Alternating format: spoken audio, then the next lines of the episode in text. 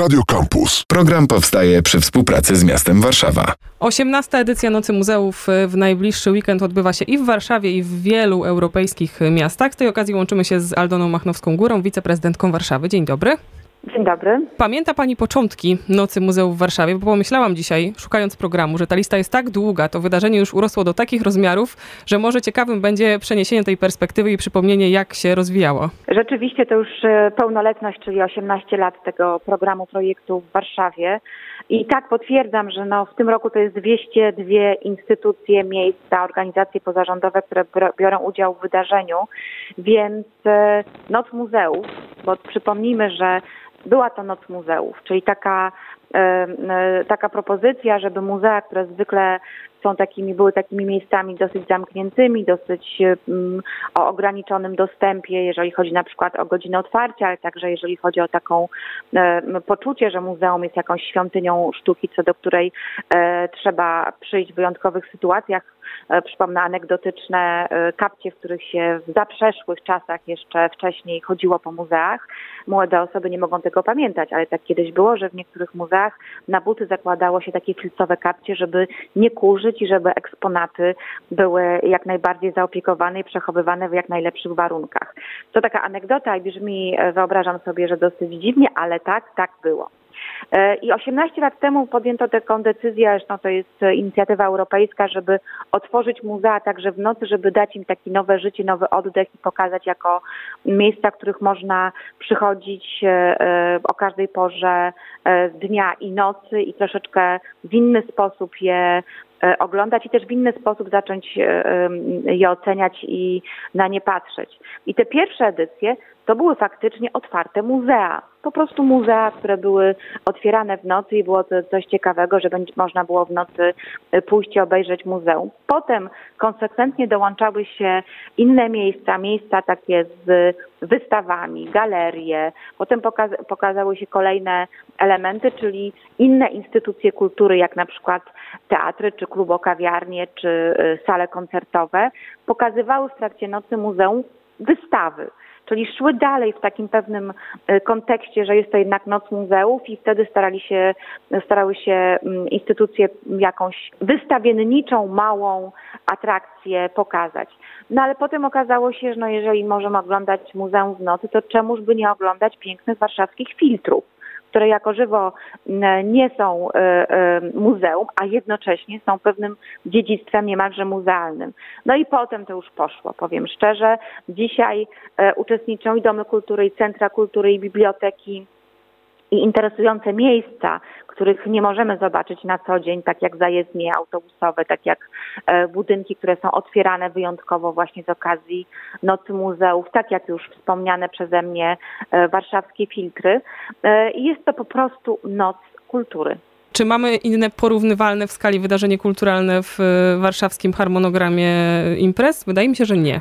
Nie. Co do, co do liczby miejsc otwartych, ale także co do pewnej takiej atmosfery, no bo jest to i zwykle już dobra pogoda, bo jest ciepło. Jest to taka fiesta, taki, takie, e, takie święto kultury, ale też święto miasta, bo ludzie bardzo chętnie po prostu wtedy wychodzą w Warszawie, są w mieście, są i, i, i różnorodność, i różne miejsca, które można odwiedzać z racji e, Nocy Muzeów sprawiają też, że to jest taka, taki nocny spacerownik. To wszyscy to pamiętamy, że się po prostu ustala rundkę po całym mieście kilkugodzinną, kiedy mm, idzie się nie tylko do jednego miejsca, które chce się zobaczyć, tylko jest to po prostu oglądanie miasta, spacerowanie nocne po mieście, spotykanie ze znajomymi, e, próba dotarcia do tych wyjątkowych miejsc czy skorzystania z takich wyjątkowych ofert, których na co dzień e, nie można rzeczywiście doświadczyć. Pani wspomniała o 202 miejscach, które otwierają się w nocy z soboty na niedzielę i do siebie e, zapraszają. 24 debiutantów w tym zestawieniu się znajduje. Czy jest jakieś miejsce, które mogłoby na tej liście być, a go nie ma? Czy to jest już taki szczyt formy Nocy Muzeów w Warszawie? Po pierwsze, wydaje mi się, że to nie jest szczyt formy, że jeszcze wiele instytucji zupełnie nieoczywistych będzie się dołączało. Po drugie, też po prostu Warszawa jest miastem, jeżeli chodzi o kulturę, niezwykle żywym i bogatym. Nieustająco powstają nowe miejsca. Czy są to instytucje, czy są to miejsca tworzone przez organizacje pozarządowe, czy też są jakby miejsca komercyjne, takie jak klubokawiarnie czy kluby, które też jakby otwierają się w trakcie tej nocy i też jakiś element kultury proponują. Więc moim zdaniem ta lista nie jest e, zamknięta i będzie, będą na pewno inne, a być może także więcej. A i tak długa. Pamiętam, że w minionym roku rozmawiałyśmy o tym, jak warszawska kultura ma się po pandemii. I teraz, czy echa tego czasu w historii widać w programie tegorocznej Nocy Muzeów? Na przykład został, został moduł e, tak zwanego zwiedzania czy wizyt w miejscach w Nocy Muzeów online. I wydaje mi się, że w ogóle ten model uczestnictwa w kulturze online'owy zostanie z nami, no bo oczywiście nie mamy dzisiaj pandemii, możemy być e, czynnie uczestniczyć z kulturą żywą i być osobiście w różnych miejscach, no ale też jest pewne, pewien element osób, które nie mogą z jakiegoś powodu uczestniczyć w kulturze w taki sposób. To są czy osoby starsze, czy osoby z niepełnosprawnościami, czy akurat, które są w tym czasie, e, nie ma ich w Warszawie albo są chore i taki model, część kultury, która jest dostępna online, to jest, tak, to jest coś, co zostanie z nami, myślę, i to jest tutaj, e, zmienia się z formuły mm, przymusu pandemicznego na formułę dostępności kultury.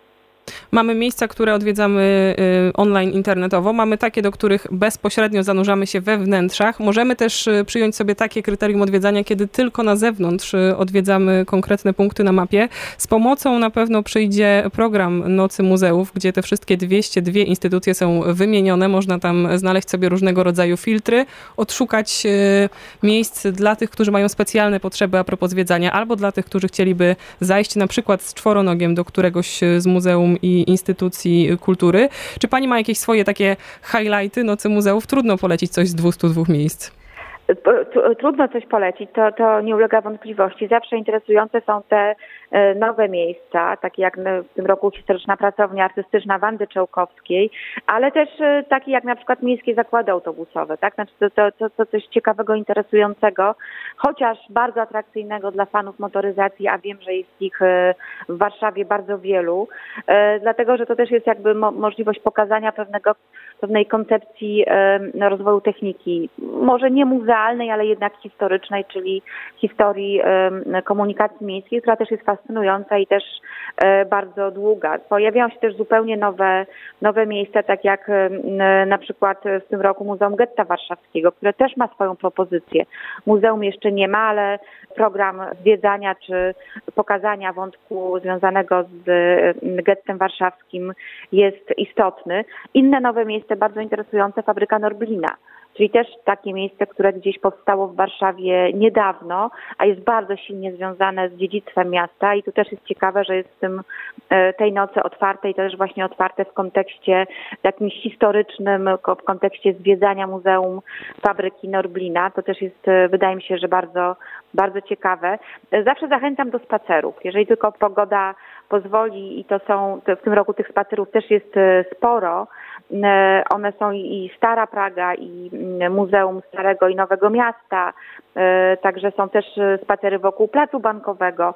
Tutaj trzeba się zapisać na te spacery oczywiście i też one są w odpowiednich godzinach uruchamiane, każda kolejna edycja. Ale to też jest bardzo ciekawe, bo to jest możliwość jakby zobaczenia miasta w jakimś kontekście z zupełnie innej strony. Mm, ja od razu zrobię taki PS, jeżeli mówimy o poruszaniu się i przypomnę o specjalnych liniach autobusowych i tych zabytkowych i tych tradycyjnych, zwykłych, które będą woziły wszystkich zainteresowanych tak e, na trasie Nocy Muzeów. Też zawsze pytam o to w naszej rozmowie, ale teraz, czy w 2023 roku i przy 19 edycji Nocy Muzeów wejdziemy do Muzeum Sztuki Nowoczesnej, bo w tym roku podglądamy online pracę na budowie?